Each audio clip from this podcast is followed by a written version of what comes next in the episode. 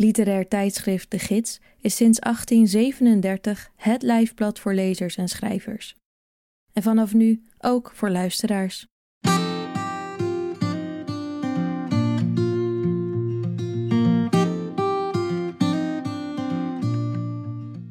Je luistert naar Sprekende Letteren, een podcast van literair tijdschrift De Gids, met in elke aflevering een verhaal, essay of poëzie voorgelezen door de schrijver of dichter zelf. In deze aflevering hoor je het essay Jezuïtisch van Ger Groot, dat hij schreef voor het themanummer over pijnlijke woorden. Luister mee naar Ger Groot vanuit zijn eigen huis. Jezuïtisch. Het woord bestaat, al wordt het zelden correct gebruikt. Want Jezuïtisch is geen gewoon bijvoeglijk naamwoord. Het hoort thuis in het slinkende rijtje van stigmatiserende adjectieven die aan deze of gene bevolkingsgroep akelige eigenschappen toeschrijven. Bij de Jezuïeten is dat vooral berekenende achterbaksheid.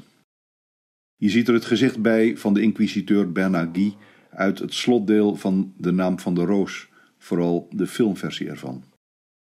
Het Jezuïtische belichaamt intelligente kwaadaardigheid, tuk op zoveel mogelijk verderf, of minstens gespitst op het eigen overleven ten koste van alles. De uitvinding van de reservatio mentalis, zeg maar het leugentje om bestwil, wordt daaraan toegeschreven. Maar Bernard was geen Jezuïet. In de tijd waarin de naam van de roos is gesitueerd, bestonden die nog niet eens. Inquisitie was vooral een zaak van de orde der Dominicanen. En juist de Jezuïeten zouden er nogal eens het slachtoffer van worden. Wereldse mogendheden bleven daarbij niet achter. Meer dan eens werd de Societas Jesu collectief uit een land verbannen. Op doorreis naar Rome kon een Jezuïet in Zwitserland zijn identiteit lange tijd maar beter een beetje Jezuïtisch verlogenen. Misschien roept een stel hoogintelligente mannen, vrouwelijke Jezuïeten bestaan niet, bij elkaar gezet om na te denken over de dingen des levens vanzelf de nodige achterdocht op. De orde is nu eenmaal niet vrij van de ondeugd enigszins te zwelgen in het eigen intellect dat anderen graag de loef afsteekt. Dat wordt haar niet makkelijk vergeven. En als ze zich dan ook nog eens mengt in beleid en politiek, menig Jezuïet diende een vorst als raadsman, gaat ze gemakkelijk een kaste vormen die zich specialiseert in de slinksigheden van de spindokter of de financiële specialist op zoek naar sluipwegen voor belastingontduiking. Zelf heb ik de Jezuïeten nooit op die manier meegemaakt. Onderwijs was en bleef hun eerste roeping en daar waren ze in mijn jeugd buitengewoon goed in, al moest je er als leerling ook zelf wel een beetje slim voor zijn. Nooit heb ik kritischer leren denken dan op de school waar zij al een minderheid van het docentenkorps vormde, maar die nog wel door hen werd bestuurd en begeesterd. Nooit heb ik er scherper leren debatteren.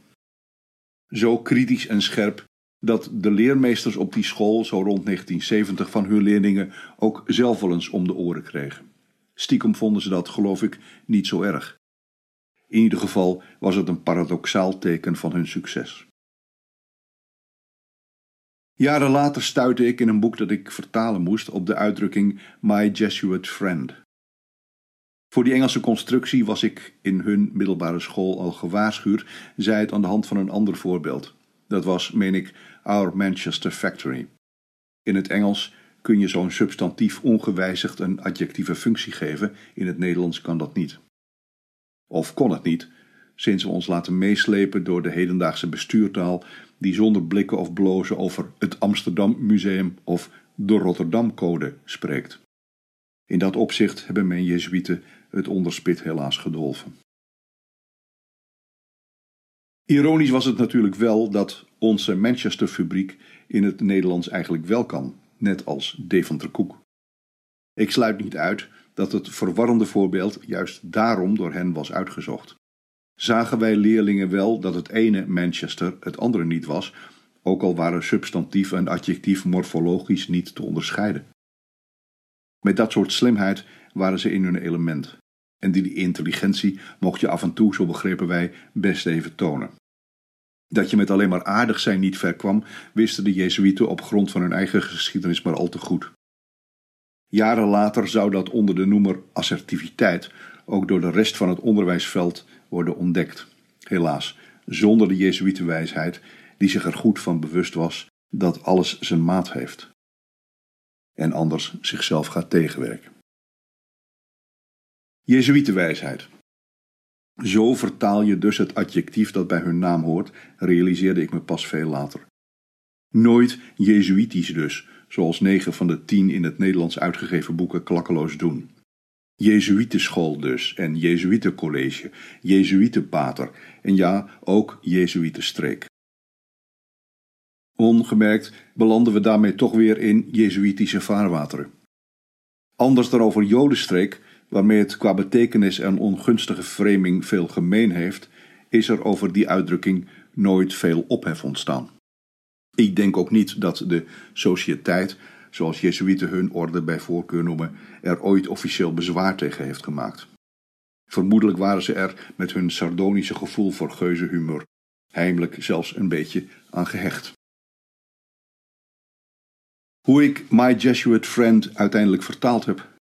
Aan de toen al achterloze vanzelfsprekendheid van mijn Jezuïtische vriend heb ik me in ieder geval niet bezondigd. Maar Jezuïtenvriend, dat wijst eerder op een filo-Jezuïtische hang bij wie nu juist niet tot de orde behoort. Misschien heb ik zelf inmiddels die verdenking wel op mij geladen. Veel fraais kon ik er in mijn vertaling uiteindelijk niet van maken. Het werd, geloof ik, zoiets als mijn vriend de Jezuïet. Niet mijn grootste trouvaille, geef ik toe. Wel uit het hart gegrepen. Decennia later mondt dat, zo realiseer ik mij nu, uit in bijna zoiets als de apologie van een Jezuïetenvriend. En opnieuw gaat dat niet zonder achterdocht. Zou die Jezuïetenschool niet zo alsnog haar vruchten hebben afgeworpen, bijna over het eigen uitdoven heen, zullen haar aanklagers allicht denken. Misschien is dat zo, en voor mijn part noemen ze dat dan maar Jezuïtisch.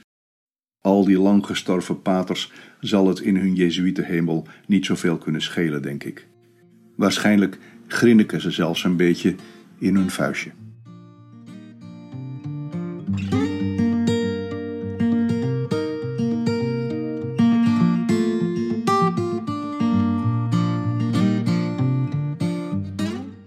Je luisterde naar Jezuïtisch.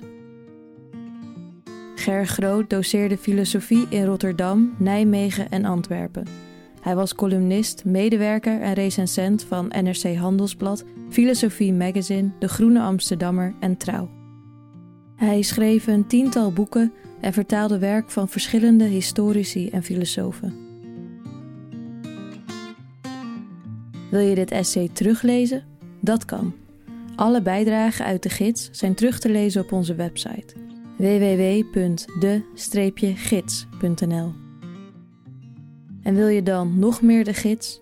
Abonnee worden kan al vanaf 20 euro per jaar.